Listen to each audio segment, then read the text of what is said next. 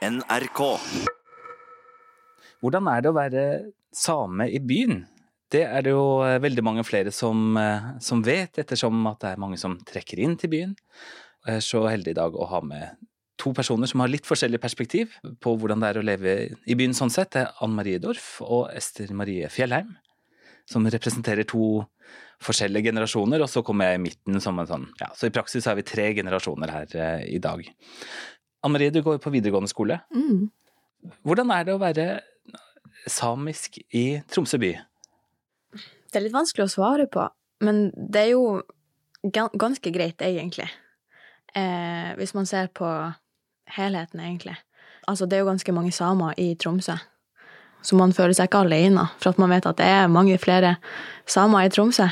Men det kan også føles veldig At man er litt sånn nedtrykt, kanskje, i noen situasjoner. Men stort sett så er det bra. Hvilke arenaer har du å, å treffe andre samer på? Eh, jeg har jo samisk på skolen, for eksempel. Eh, hvor jeg har samiskundervisning to ganger i uka, på mandag og onsdager. Og da har jeg jo samisk med hva det er, syv andre personer, med elever. Mm.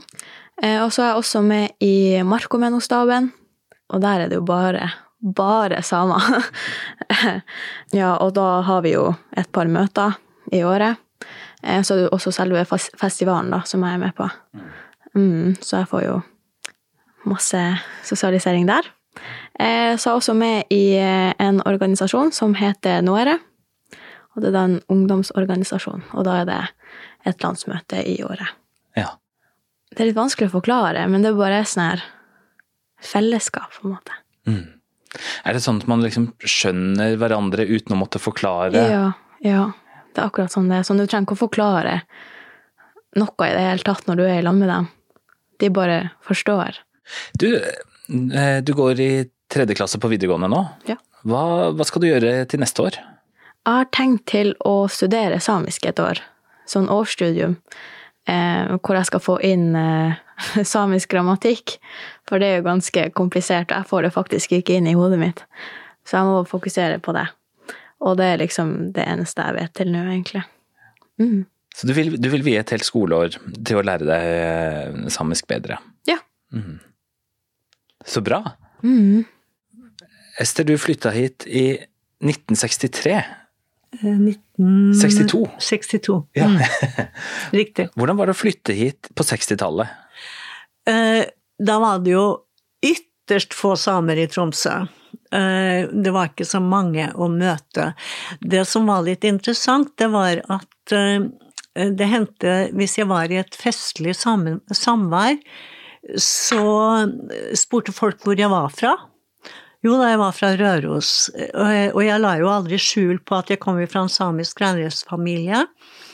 Eh, men før jeg sa det, så kunne det hende når jeg sa at jeg var fra Røros, så kunne de si det at ja, de hadde en oldefar, slekta kom ifra, ifra Østerdalen og, og så videre og så videre. Og, og jeg har jo alltid vært en litt sånn fleiper, sånn at jeg sa da å ja, du skal se det er en sørsame i deg da. Brukte jeg å si, og da fikk jeg jo sjokkerende blikk mot meg. For det skulle man ikke være, eller? Eh, nei, for det skulle man ikke være. For det har jo vært litt sånn som det har vært litt skrevet om, at hadde en av oldeforeldrene kommet fra Østerdalen, så, så var eh, slekta norsk fra Østerdalen, selv om kanskje sju av oldeforeldrene kom fra en fjordsamisk bygd. De ble ikke nevnt. Men var du, var du et eksotisk element? Eh, Jeg var vel ikke så veldig eksotisk ennå da, fordi at det var jo ikke noe På den tiden var det jo ikke noe samfunn, det var jo ikke noe, det var ikke noe sted jeg kunne gå og møte likesinnede. Det traff jeg først i 68, da Nils Jernsletten og familie flytta til Tromsø. Og vi var enige om at vi burde starte en NSR-organisasjon i Tromsø også. Og på de første møtene så var vi vel fire-fem eh, stykker som samla der, så det var, det var i grunnen det beskjedne miljøet eh, hvor vi da kunne, kunne snakke samisk. Så da hadde vi eh, veldig mye fine diskusjoner. Så etter hvert så ble det jo et miljø, eh, og når jeg gikk i kofte, så var det vel eh, Det var jo veldig ukjent for folk i Nord-Norge å se en sørsamisk kofte, så de oppfatta vel ikke meg som samisk, vil jeg tro, så jeg gikk ganske fritt i byen uten at de skjønte at det var en samisk kofte. Hvordan har byen endra seg, da? I min alder nå og har vært med i samepolitikken i 50 år, så, så ser jo jeg utrolig positivt på framtida. Jeg syns jo det er fantastisk å komme på rådhuset og se alle de ungene og ungdommene og alle som strømmer til. Når jeg hører og ser sånne som Anne Marie for eksempel da, som vil fortsette å lære seg samisk, og den muligheten barn og ungdom nå har for å lære seg samisk for eksempel, det er jo kjempebra og det å se at det kommer så mange samiske ungdommer som tar tilbake identiteten sin, tross det som har skjedd i historien, og det viser jo bare at alle mennesker har behov for røtter. Eh, og da jeg drev med undervisning i dette her, så brukte jeg sammenligne med et, med et, tre. Et tre som ikke har røtter, det vil jo visne og dø etter hvert. Og jeg tenker at mennesket òg har behov for røtter. Vi har behov for å respektere og anerkjenne våre forfedre. Eh, vi har behov for å anerkjenne den vi, den vi er, og hvor vi kommer fra. Tror jeg. Det er ren, enkel psykologi. Eh, jeg er veldig takknemlig for at mamma har tvingt meg til å til å ha samisk på, på skolen. Eh, for når jeg var liten, ikke sant, når jeg gikk i fjerde, femte, sjette klasse og sånt, og faktisk opp mot eh, ungdomsskolen, eh, så hadde jeg jo samisk undervisning, men det måtte bli tatt fra eh, norskundervisningen eller matteundervisning eller engelskundervisninga eller hva det skulle være. Eh, og det var veldig slitsomt. Og av den grunn så hadde ikke jeg lyst til å ha samisk. Eh, men mamma tvingte meg jo til å samisk for at hun syntes det var viktig, og det er jo det. Eh, og jeg er jo veldig glad for det. Jeg syns du skal være veldig glad for det, Anne Marie. fordi at min største sorg i livet, det er jo nettopp det at jeg mista språket. Og min mor var jo først veldig gammel da hun fortalte hva hun hadde opplevd på skolen, og det gjorde meg jo forferdelig vondt. Ikke sant? De hadde jo kofte, hun kom jo dit i skinnkofte og golkegamok osv. videre Og, og opplevde jo at de rett og slett dro av henne kofta og kastet henne i snøen, altså. Og mobbet henne forferdelig. Så, så hun hadde det veldig vanskelig de første årene på skolen. Så jeg tilgir at hun lærte oss norsk istedenfor samisk.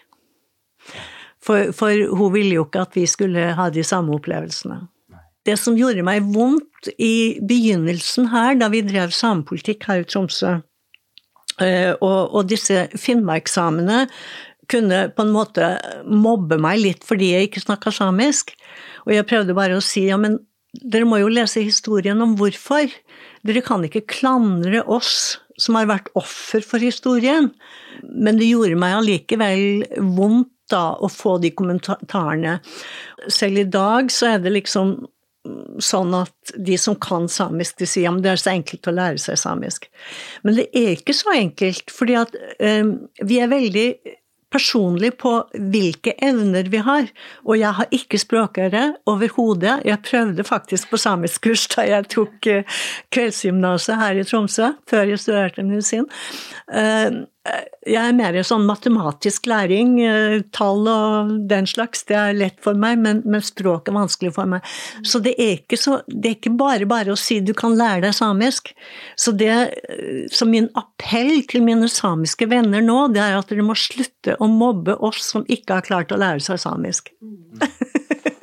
og i forhold til det med at folk sier at det er lett å lære samisk, det er jo ikke det. og da tenker, jeg, da tenker, jeg, bare på selve språket og grammatikket og alt og sånn her. Det er jo komplisert å lære et språk ordentlig. Det tar jo tid. Eh, men også det med samiskundervisning på skolen.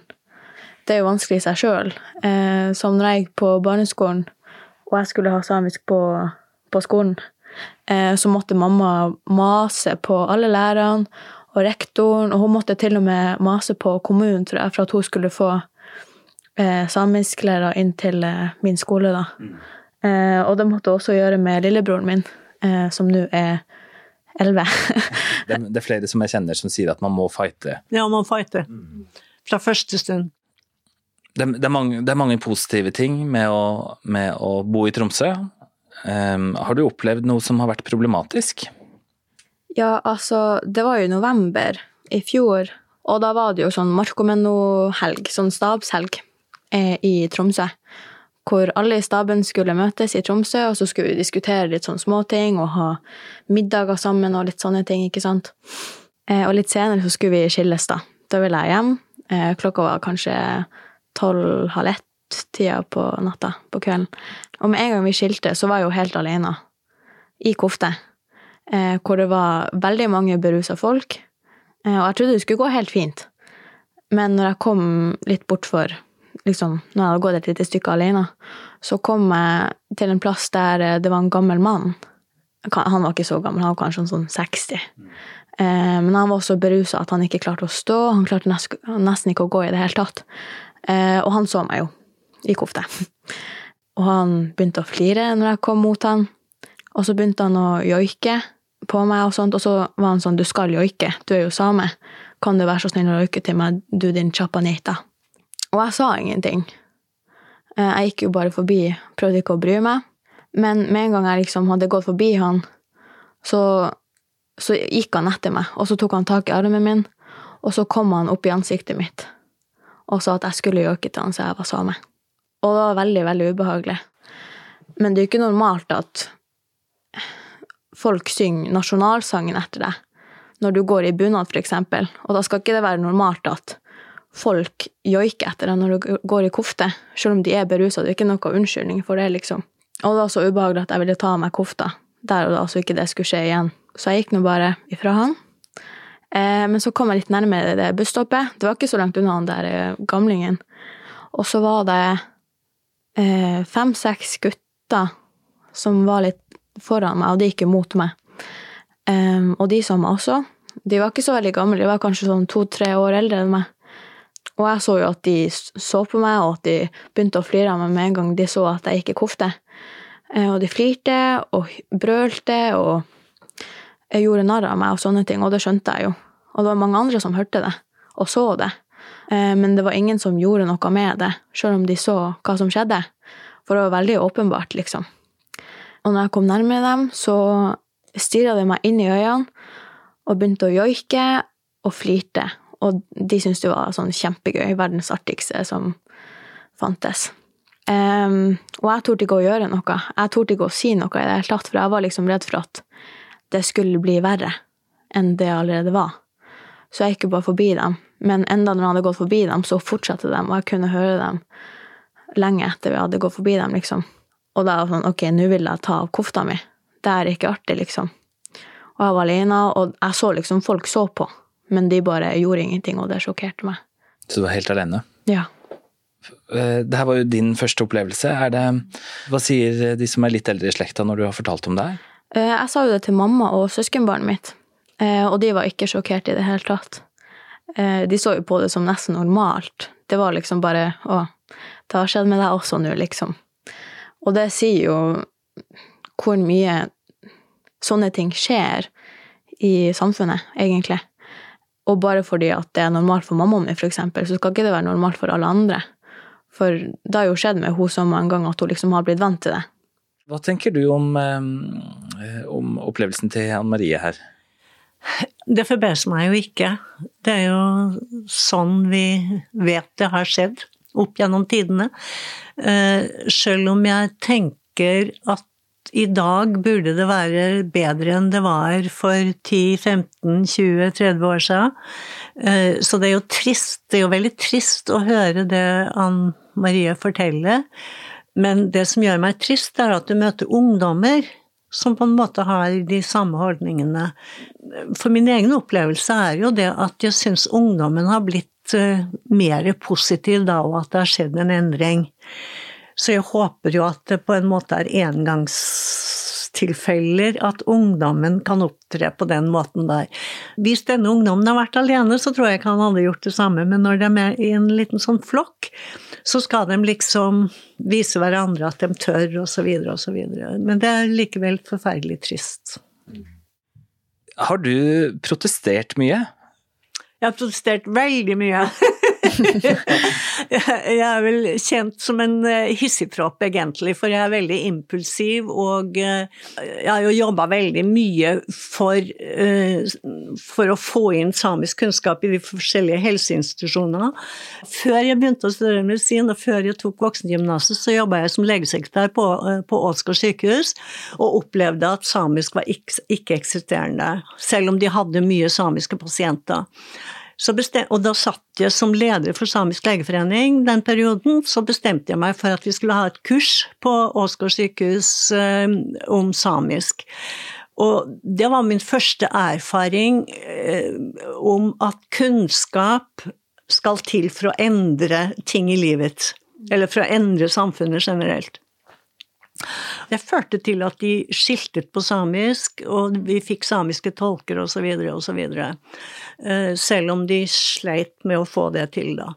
Eh, siden så var jeg på universitetet fordi jeg så at de brukte helt feilaktige måter å skille etniske grupper på i de store helseundersøkelsene som ble gjort i Finnmark og Troms, hvor de spurte etter samisk ett, og hvor 40 eh, i de kystsamiske kommunene svarte 'vet ikke' på det spørsmålet. Og jeg skjønte at her, det, her, ligger det en hund begravet. Der møtte jeg en betydelig mer motstand, uh, og der var jeg ganske hissig, altså, så jeg ble sett på som en hissig, hissigpropp. jeg sydde meg rød kofte mens jeg var der for å på en måte vise at her, her er det ild. men, men hva slags motstand møtte du der, da? Jeg klarte å vise dem at de hadde spurt på feil måte. For, vi, for jeg, for eksempel i Kåfjord var det 40% som svarte 'vet ikke' på spørsmål om de hadde samisk ett. Eh, og den prosenten forsvant når vi spurte etter samisk språk hos besteforeldre og foreldre. Det å spørre oss om språkkunnskaper hos foreldrene og besteforeldrene, da gjør du det til noe positivt, for da handler det om en kunnskap. De var flinke i språk. Men det å skulle liksom si ja på at jeg er samisk, det er noe helt annet. Og jeg tenker at jeg stakk jo borti en verkebyll for da hadde de jo holdt på i 20 år og ikke reagert på de store vet ikke-prosentene uten å tenke over årsaken til det. Du, fikk du anerkjennelse for at du retta opp en metodisk feil som Jo da, det ble jo tatt, det, det ble jo tatt konsekvensen av det, så jeg, forlot den, den doktorgradsarbeidet. Det la jeg på is, eh, og det ligger der ennå. Men eh, jeg bestemte meg for å jobbe for å opprette en samisk helseforskning. Det er jo kommet mange doktorander ut av det, og det var jo veldig viktigere å få ut mange doktorander enn å få ut den enslige meg. er det noe som man trenger å protestere mot nå, da? Det er jo det med, altså det med lærebøker. Én ting er jo for den samiske befolkningen å få lære sin reelle eh, samiske historie, men minst viktig er det jo at det norske folk får lære eh, historien. For sånn, sånn, som jeg sa, min, min positive erfaring fra å ha drevet samepolitikk, det er jo det at kunnskap Jeg nevnte dette med Aasgaard, eksempel. At kunnskap er det som skal til for å endre samfunnet. Mm. Gir det mening? Ja, jeg tenker på det samme. Altså, det er jo viktig med kunnskap. Hva har du lært på skolen om samisk? Veldig lite. Um, Altså, vi får jo vite om sånne småting. Altså for eksempel i historie eller norsk eller samfunnsfag. Eh, hvor vi eksempel lærer om Stortinget og hvordan det fungerer, og hvor mange folk det jobber der, og sånne ting. Eh, så er det jo mange, mange sider om hva som foregår der, hvordan det funker, og sånne ting, ikke sant. Men så er det jo bare én side, en halv side om Sametinget, med et eh, stort bilde som tar nesten hele sida, liksom det er jo veldig lite man lærer på skolen. Eh, og det er jo veldig kjipt. Og det er jo et annet moment som jeg har vært inne på. Når tid skal det norske samfunnet skrive den ekte og riktige historien om det samiske folk? Det har jo ennå ikke skjedd. Hva er det som er feil med framstillinga av, av, den samiske historien?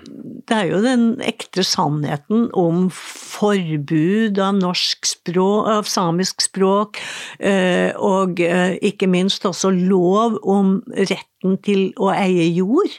Du fikk jo ikke skjøte på den jordlappen dine forfedre hadde, hadde dyrket i alle år, hvis du ikke hadde norsk navn eller kunne snakke norsk.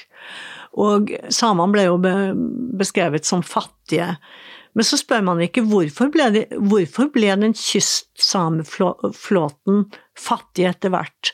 Jo, de var jo eksperter på sjøen, men så kom jo kystflåten, den motoriserte kystflåten, og det krevde jo penger for å kunne etablere seg med en dyr eh, kystbåt, eh, motorisert kystbåt, og da behersket jo ikke de det administrative med å søke om penger, skrive søknader på norsk, og de fikk jo ikke den hjelpen de hadde behov for hvis de gikk til kommunen for å få hjelp til det. Eh, det har jeg jo fått egne historier om. Og det er klart at da ble de jo raskt akterutseilt i fiske. For da kom jo de norske store kystbåtene og tok over, ikke sant? Og dermed så ble jo mye av inntektsgrunnlaget borte. Man må jo få frem litt sånn bakgrunnen for at det har blitt slik. Det er jo utrolig viktig for, eh, for en kultur, for et folk, å ha gode forbilder. Er det noen som har inspirert dere, og inspirerer dere spesielt? Eh, Elsa Laula ser jeg veldig opp til. Sørsame. Ja. Hvorfor det? Altså, det hun gjorde, var jo veldig viktig. Hun samla jo samer fra veldig mange plasser.